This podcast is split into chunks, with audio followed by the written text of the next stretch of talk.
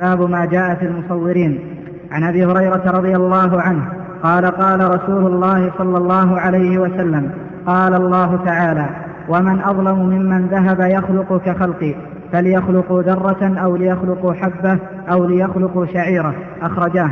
ولهما عن عائشة رضي الله عنها أن رسول الله صلى الله عليه وسلم قال أشد الناس عذابا يوم القيامة الذين يضاهئون بخلق الله. ولهما عن ابن عباس سمعت رسول الله صلى الله عليه وسلم يقول كل مصور في النار يجعل له بكل صورة صورها نفس يعذب بها في جهنم ولهما عنه مرفوعا من صور صورة في الدنيا كلف أن ينفخ فيها الروح وليس بنافخ ولمسلم عن أبي الهياج قال قال لي علي ألا أبعثك على ما بعثني عليه رسول الله صلى الله عليه وسلم أن لا تدع أن لا تدع صورة إلا طمستها ولا قبرا مشرفا إلا سويته. هذا باب ما جاء في المصورين. والمصورون جمع تصحيح للمصور والمصور هو الذي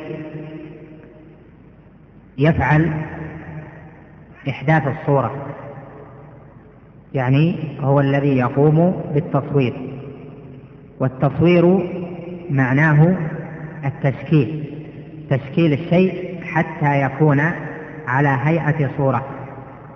والصورة قد تكون صورة لآدم أو لغير آدم من حيوان أو لنبات أو لجماد أو لسماء أو أرض فكل هذا يقال له مصور. إذا كان يشكل بيده شيئا على هيئة صورة.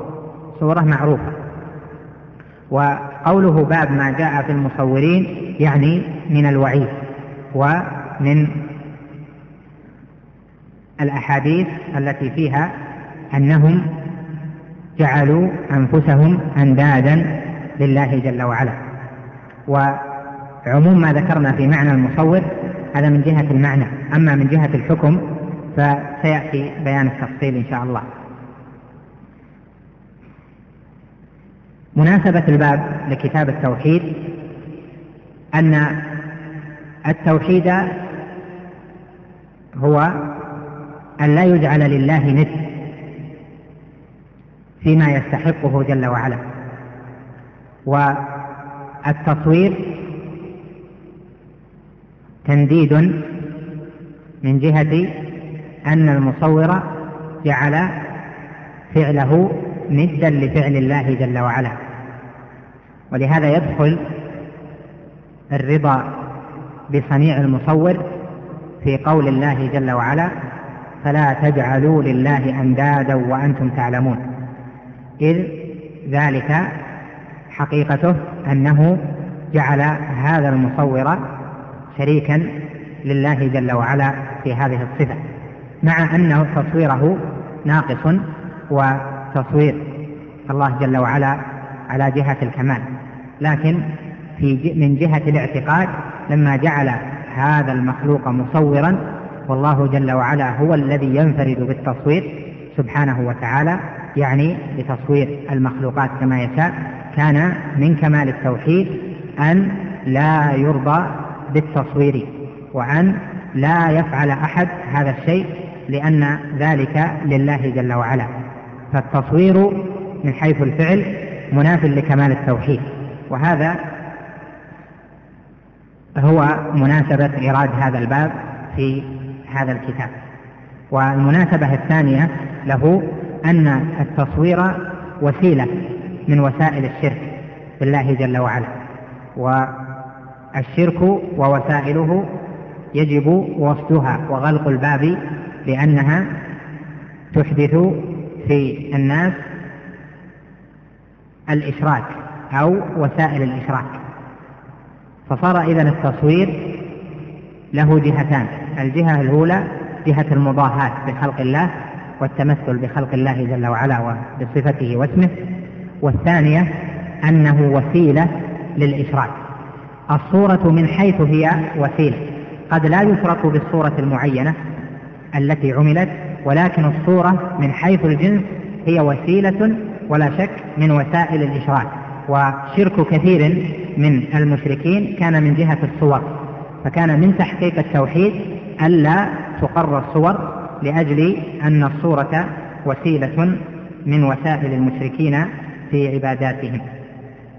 قال عن أبي هريرة رضي الله عنه قال قال رسول الله صلى الله عليه وسلم قال الله تعالى ومن أظلم ممن ذهب يخلق كخلقي فليخلقوا ذرة أو ليخلقوا حبة أو ليخلقوا شعيره اخرجاه هذا الحديث فيه معنى وفيه تمثيل.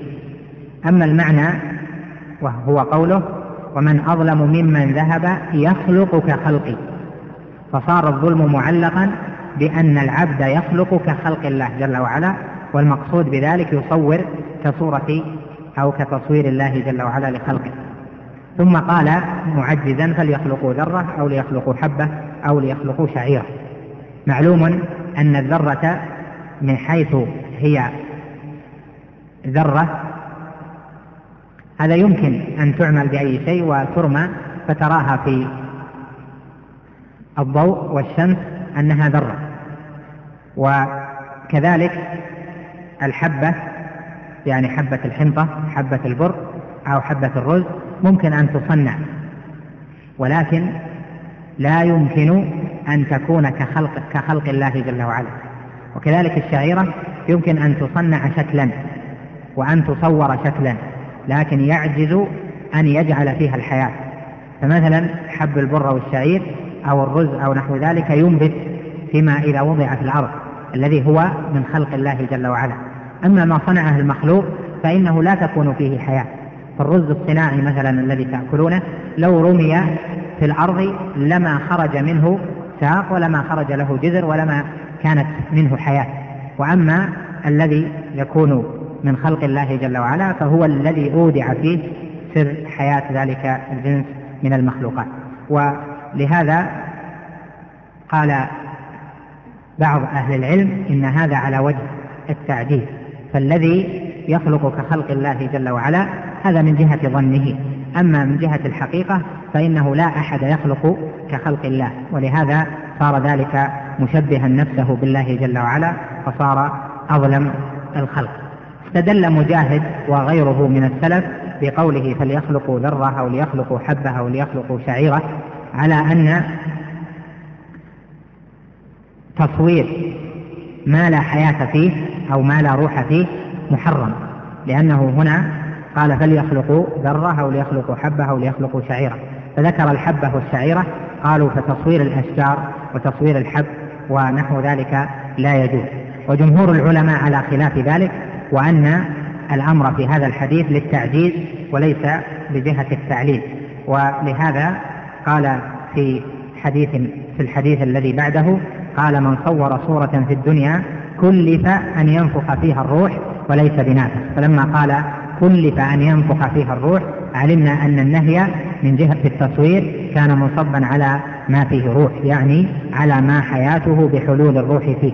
أما ما حياته بالنماء كالمزروعات والأشجار ونحوها فليس داخلا في ذلك. قال ولهما عن عائشة رضي الله عنها أن رسول الله صلى الله عليه وسلم قال أشد الناس عذابا يوم القيامة الذين يضاهئون بخلق الله. هذا فيه تنبيه للعلة وهذه العلة هي المضاهاة بخلق الله جل وعلا وهي أحد العلتين اللتين من أجلهما حرم التصوير. فالتصوير حرم وصار صاحبه من أشد الناس عذابا لأجل أنه يضاهي بخلق الله جل وعلا. ولأن الصورة وسيلة للشرك. المضاهاة بخلق الله جل وعلا التي رتب عليها أن يكون فاعلها أشد الناس عذابا يوم القيامة في هذا الحديث عند كثير من العلماء أنها ما كانت على وجه الكفر. وتكون المضاهاة في التصوير كفرا في حالتين. الحالة الأولى أن يصور صنما ليعبد أو يصور إلها ليعبد أو يصور إلها يعبد في الواقع. فيصور لأهل البوذية صورة بوذا أو يصور للنصارى المسيح أو يصور أم المسيح ونحو ذلك. فتصوير ما يعبد من دون الله جل وعلا مع العلم بأنه يعبد هذا كفر بالله جل وعلا لأنه صور وثنا ليعبد وهو يعلم أنه يعبد فيكون شركا أكبر وكفرا بالله جل وعلا. والدرجة الثانية أن يصور الصورة ويزعم أنها أحسن من خلق الله جل وعلا. فيقول هذه أحسن من خلق الله. أو أنا فقت في خلقي وتصويري ما فعل الله جل وعلا. فهذا كفر أكبر وشرك أكبر بالله جل جلاله. وهذا هو الذي حمل عليه هذا الحديث وهو قوله أشد الناس عذابا يوم القيامة الذين يظاهرون بخلق الله. ويدخل فيه أيضا من ضاهى بالتصوير عامة بما لا يخرجه من الملة كالذي يرسم بيده أو ينحت التمثال وينحت الصورة مما لا يدخل في الحالتين السابقتين فهو كبيرة من الكبائر وصاحبها ملعون ومتوعد بالنار. قال ولهما عن ابن عباس سمعت رسول الله صلى الله عليه وسلم يقول كل مصور في النار يجعل له بكل صورة صورها نفس يعذب بها في جهنم. قوله نفس أفاد أن ذلك التصوير وقع بشيء أو وقع لشيء تحله النفس وهو الحيوانات أو الآدم. ولهذا صار الوعيد منصبا على ذلك. وقوله كل مصور في النار هذا يفيد أن التصوير كبيرة من الكبائر قال ولهما عنه مرفوعا من صور صورة في الدنيا كلف أن ينفخ فيها الروح وليس بنافخ لأن الروح إنما هي لله جل وعلا. ولمسلم عن أبي الهياج قال قال لي علي ألا أبعثك على ما بعثني عليه رسول الله صلى الله عليه وسلم ألا تدع صورة إلا طمستها ولا قبرا مشرفا إلا سويته. في هذا الحديث التنبيه على العلة الثانية من علتي تحريم التصوير وهو أنه وسيلة من وسائل الشرك. ووجه الاستدلال من هذا الحديث أنه قرن في الأمر قرن بين الصورة والقبر المشرف وبقاء القبر المشرف وسيلة من وسائل الشرك وكذلك للاقتران بقاء الصورة أيضا وسيلة من وسائل الشرك. فالنبي عليه الصلاة والسلام بعث عليا أن لا يدع صورة إلا طمسها لأن الصور من وسائل الشرك وأن لا يدع قبرا مشرفا إلا سواه لأن بقاء القبور مشرفة يدعو إلى تعظيمها وذلك من وسائل الشرك.